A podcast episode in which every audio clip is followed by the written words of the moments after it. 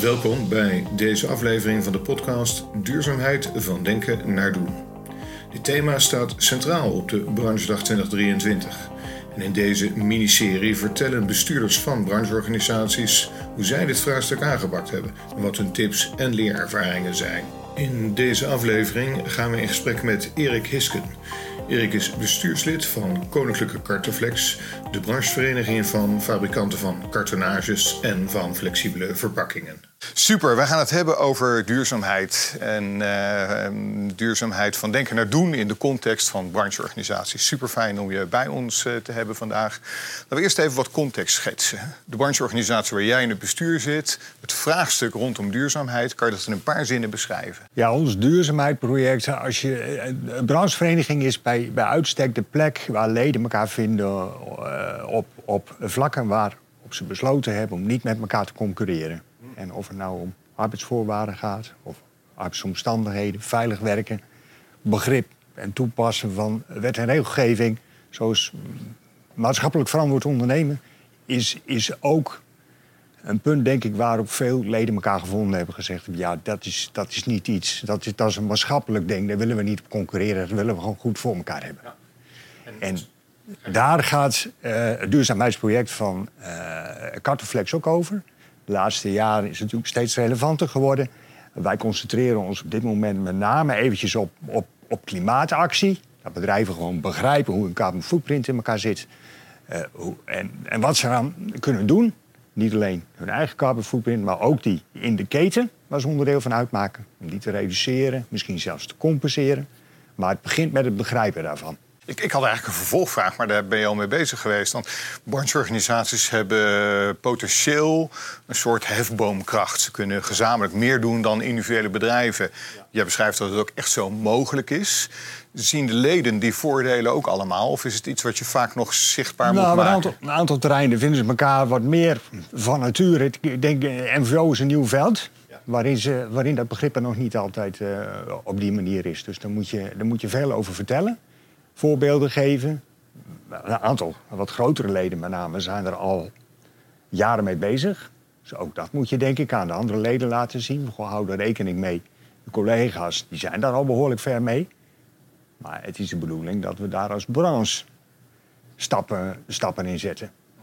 Kijk, een branchevereniging heeft een bepaalde schaal. Dat is denk ik de hefboom ook, waardoor je in staat bent om leden uh, uh, uh, laagdrempelig tegen overzichtelijke kosten hier stappen in te, in, te, in te laten zetten. Je noemt eigenlijk al een heleboel instrumenten daarin. We gaan zo dadelijk eens één voor één langs. Ik wil even één stap terug. Je zegt MVO. We hebben het vandaag in, in dit interview ook vooral over duurzaamheid. Zijn dat voor jou identieke begrippen? Hoe definieer jij duurzaamheid? Nou, duurzaamheid gaat over de houdbaarheid van het bedrijfsmodel. En dat, dat is in volle breedte. Dus dat gaat over, over, over personeel, de omgeving waarin je zit, de impact die je hebt op, op, het, uh, op, op de omgeving. Dat is niet alleen klimaat. Dat gaat, dat gaat veel verder. Dat, uh, dat is ook zeg maar lange termijn perspectief wat je als ondernemer hebt. Je gaat niet voor het snelle gewin. Natuurlijk is dat belangrijk. Je hebt aandeelhouders, die willen graag rendement maken. Maar daarnaast hou je gewoon goed in de gaten dat je, dat je als bedrijf ook op lange termijn een houdbaar model hebt. En geen schade veroorzaakt op wat voor manier dan ook. Absoluut. Nou, ja. Daar zit al heel veel wijsheid in. Dank daarvoor. Als we gewoon eens de tijd teruggaan. Jullie zijn nu al een eind op weg. Maar hoe je daar bent gekomen. Dat is ooit gestart met wat we in managementwoorden mooi scoping noemen. Zo'n vraagstuk. En duurzaamheid en MVO is heel groot. Hoe hebben jullie dat klein gemaakt? Hoe heb je er iets uitgeknipt wat voor iedereen interessant was? Ja, het begin het gaat natuurlijk ook, ook heel erg over het, iets, iets met verpakken. Dus daar begint het. En, uh, en, en zeg maar de HR-kant van dingen, duurzame inzetbaarheid. Ik denk dat, dat, dat we daar wel begonnen zijn. Tot het moment waarop we gezegd hebben... waarom, waarom tillen we dat klimaat er niet uit... als, als echt, een, echt een aspect waar we, waar we volop moeten in, inzetten. En wat was de trigger om dat te doen? Het klimaat eruit? Nou ja, weet, je, ik, ik, het bedrijf waar ik, waar ik voor werk... die waren op dat moment druk bezig om, om uh, nu eens concreet te maken van... Goh, wat, wat voor carbon footprint hebben wij eigenlijk? Wat voor impact hebben wij eigenlijk op, op, op de wereld? En op het moment dat je daar dan over gaat vertellen... en zegt, van, God, daar gebruiken we bepaalde tools voor... en we hebben contacten gelegd met, met de club, die daar ook, ook een bepaalde visie op, op heeft. Ja, dan triggerde denk ik een aantal andere bestuursleden. Zeiden, hé, hey, maar misschien, misschien als we ons daarop focussen... krijgen we die leden ook mee. en herkennen die dat? Dus je zegt er eigenlijk mee, en dan kom ik ook een beetje op een thema van het leiderschap van een bestuursrol daarin voor zo'n groot vraagstuk. Het begint ook bij jezelf uiteindelijk. Ja, het begint dus ook, ook gewoon bij je, eigenlijke, eh, je eigen dagelijkse werkzaamheden en hoe je, hoe je bezig bent met dit vraagstuk. Dat neemt iedereen mee naar die bestuurstafel en daar heb je het met elkaar over. Je vertelde dat jij de visie zag, en een aantal collega's ook nog. De brancheorganisatie heeft meer leden, niet iedereen ziet het. Hoe krijg je dan iedereen mee en één gezamenlijk vraagstuk? Nou ja, vooral in, in een wereld waar er ontzettend veel gebeurt. Hè. Bijvoorbeeld, we hebben te maken met, met stijgende energieprijzen. Eh, disruptie in, in, in wereldwijde uh, toeleverketens, ga zo maar door. Heftige concurrentie. Daar zijn, daar zijn ondernemers heel veel mee bezig. En, en in de periferie weten ze dat die andere dingen ook, ook belangrijk zijn. En dan, en dan heb je verschillende dingen in je, in je gereedschapkist. Je kan, je kan een soort van dreigbeeld kan je, eh, kan je schetsen. Houder, uh, hè? ontwikkeling op het gebied van uh, wet en regelgeving. Als onderneming hou je uiteindelijk op te bestaan. Je wordt minder relevant. Of, of nou ja, een, ander, een, een ander tool die je kunt inzetten... is dat je beschrijft hoe andere bedrijven, collega's... maar ook concurrenten daar allemaal bezig zijn. En op die manier uh, moet, je het, moet je het meekrijgen. Maar ik geloof niet zozeer in dat, in dat hele dreigende verhaal. Ik denk dat met name de, de, voorbeelden, de voorbeelden geven... en daar met, met, met, met enthousiasme over, uh, over vertellen. En, en ook nou ja, anderen, bereid zijn om anderen daar, daar, daar de weg in te wijzen. Maar, mag ik erop doorvragen? Want hè, je kan dreiging zetten, dan krijg je mensen mee... maar vanuit een negatieve energie. Ja. Is dit een, dan omdat het ondernemers zijn... dat je het positief moet draaien naar een kans? Nou, het kan best zijn dat ze daar, eh, daar inderdaad wat gevoeliger voor zijn. En dat je, dat je ook het, het, het, perspectief van de klant nog eens, dat je ze daar eens aan herinnert. Van, goh, je, je, klant is daarmee bezig.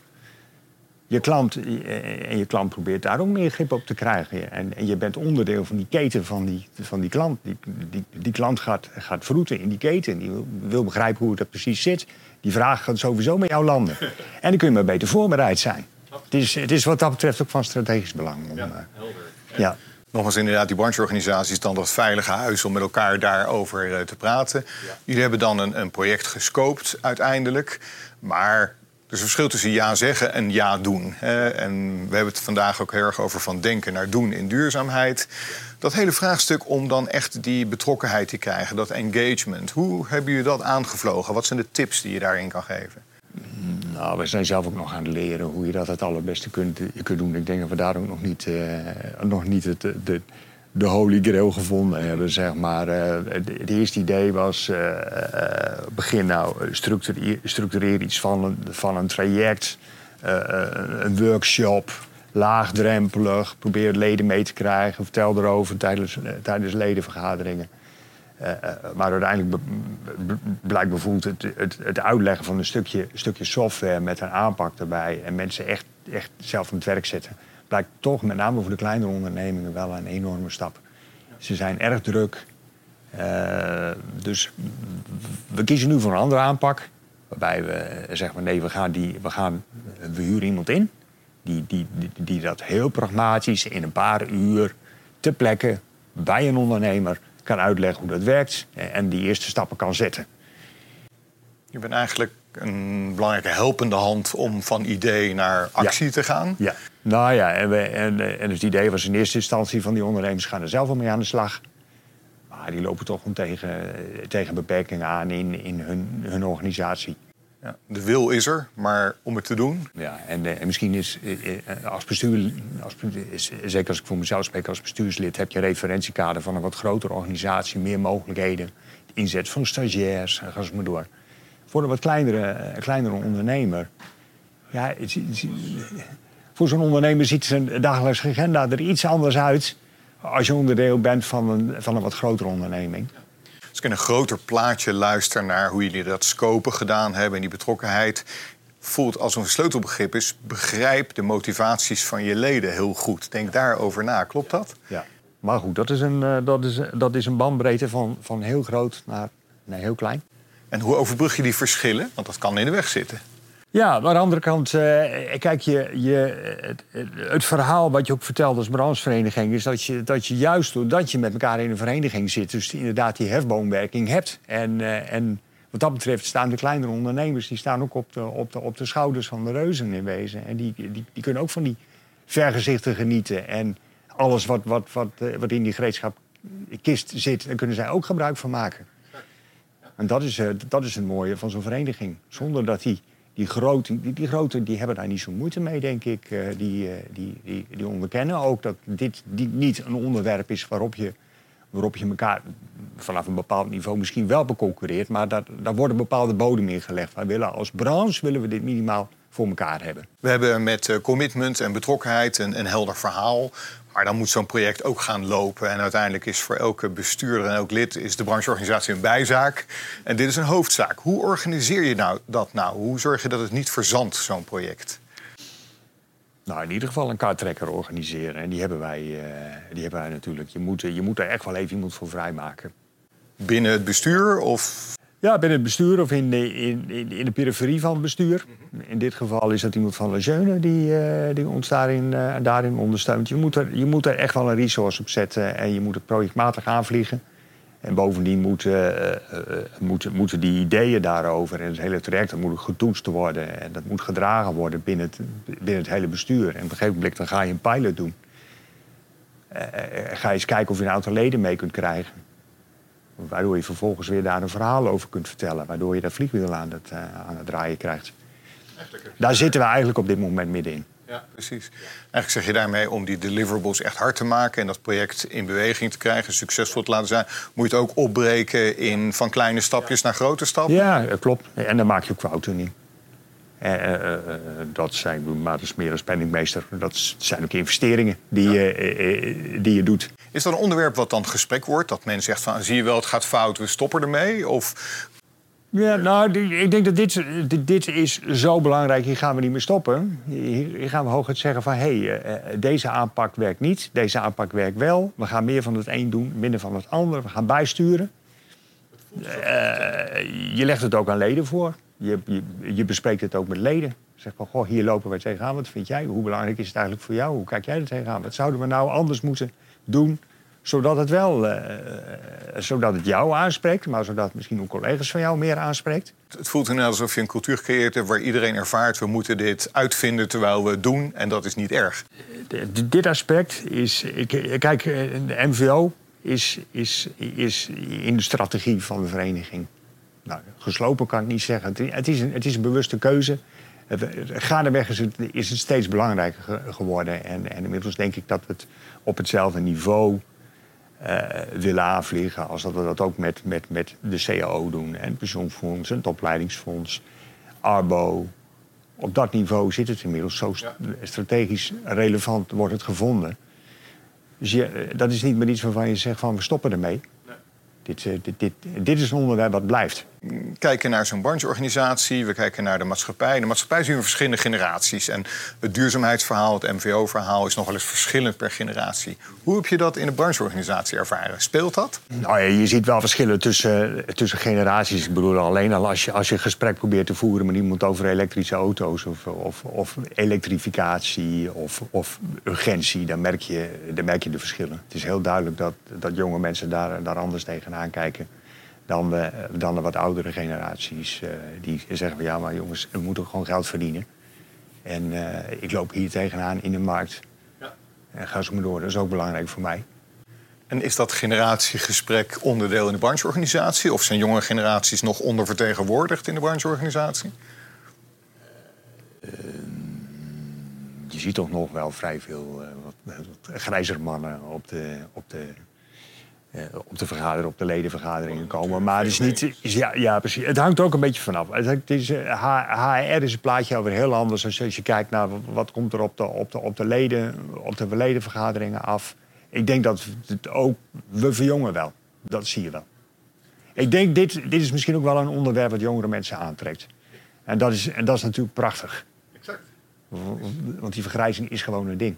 Door verduurzaamheid verjong je je brancheorganisatie eigenlijk. Ja ja. En het grappige is, wat wij maar weer vanuit vanuit zeg maar, die ervaring in, hè, in, in een van die ondernemingen die aangesloten is van, eh, bij de branchevereniging. We zien ook steeds meer jongere mensen binnenkomen die op man- managementposities binnen de bedrijven gaan. eh.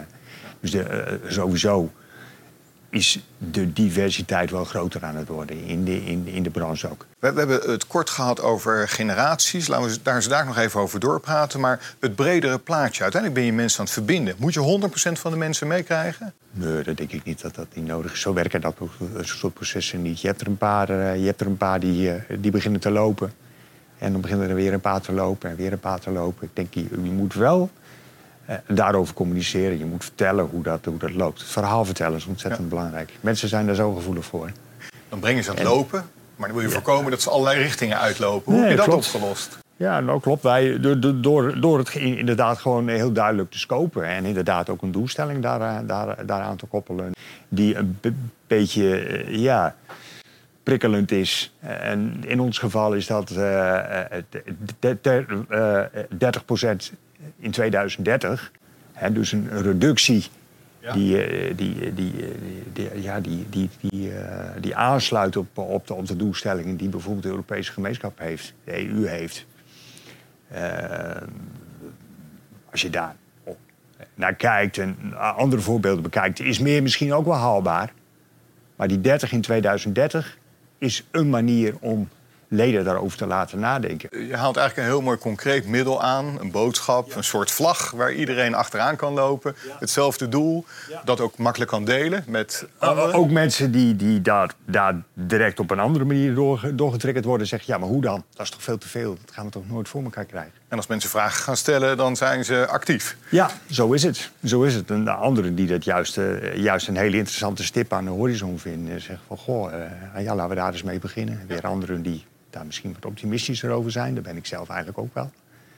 Want je, eh, kijk, zelfs als je naar hè, full scope, scope 1, 2 en 3 van die carbon footprint kijkt, eh, die, die scope 3, eh, eh, daar zitten, eh, dat is de keten. Er zijn heel veel mensen actief al aan het werk aan die footprint. Dus terwijl jij aan je eigen footprint werkt, werken anderen ook aan hun footprint. Is, het is niet iets wat gelijk blijft. Dus het, het daalt sowieso al. En daar, daar gooi je dan nog maatregelen overheen. En zo krijg je... eh, het, het is een soort van stroomversnelling. eh, Ja, precies. ja. Ja. Als, als we dat 30 naar eh, 2030, gewoon een, een prachtig mantra is haast. eh, naar generaties, dat is over iets minder dan 10 jaar. Dan zijn de mensen die nu X zijn, zijn X plus 10. Is dat ook iets waardoor jongere generaties aan boord komen? Ik weet niet of dat zo werkt. Hoe is dat in de, in de sfeer die je zelf goed kent van je bedrijf met jongere generaties? Ja, het lijkt, voor mijzelf lijkt twee- eh, 2030 heel erg dichtbij. Ja. ik denk die jongere generaties misschien zelfs wel een perspectief hebben wat richting 2050 gaat. Het is jammer, het is jammer dat, het, dat we het eigenlijk zo dichtbij moeten zoeken. Waarom je niet die, die stip nog wat verder weg kan, eh, kan zetten. Maar eigenlijk moet je daar wel met elkaar over hebben. Kun je verklaren waarom dan 2030 gekozen is? Ja, dat sluit, dat, sluit dat, dat, dat is denk ik toch voor veel bedrijven een soort van realistische planningshorizon. Waarvan ze zeggen van ja, daar kunnen wij, eh, dat, daar geloven we nog wel in. Te abstract houdt en te ver weg, dan ja, is het terwijl, niet grijpbaar. Terwijl misschien, misschien de jongere generaties beter in staat zijn om daar overheen te kijken. En juist wel zoiets hebben van ja, maar eh, dan, zijn we, dan zijn we ook nog jong. Hè? Eh, ik, ik heb vandaag net iemand gefeliciteerd, gefeliciteerd, collega van mij. Die, ja, die is geboren in 1999. Ik denk van jee. Hè, 2050. eh, eh, ja, voor haar in dit geval is dat, eh, dat, dat denk ik. eh, is, dat, is, dat, is dat een heel ander getal dan, dan, dat het voor, voor, het- voor het ja, gemiddelde cartoflexlid is. eh, die, de, die de ledenvergaderingen bezoekt. Je vertelde, en dat is een natuurlijk proces, dat de vertegenwoordigers van de bedrijven zijn vaak, vaak senior, eh, of minimaal medior, zoals we dat noemen. Maar in je bedrijfsomgeving heb je ook jongere generaties. Kun je ook een beetje delen wat dan de gesprekken zijn over MVO met jongere generaties? Binnen de vereniging of Binnen binnen, je bedrijf? Binnen het bedrijf. Nou, binnen, binnen het bedrijf heb ik het ook wel. Eh, Maar goed, ik, ik ben werkzaam in de financiële hoek. Dus ik heb, eh, ik heb mensen wel moeten uitleggen van... Goh, eh, we, rekenen al, we boeken alles in euro's en in stuks. En gaan ze maar door. En nu gaan we opeens boeken houden in CO2. Ja. Het is toch wel even wennen. Is toch wel even, daar moet je wel een verhaal bij vertellen.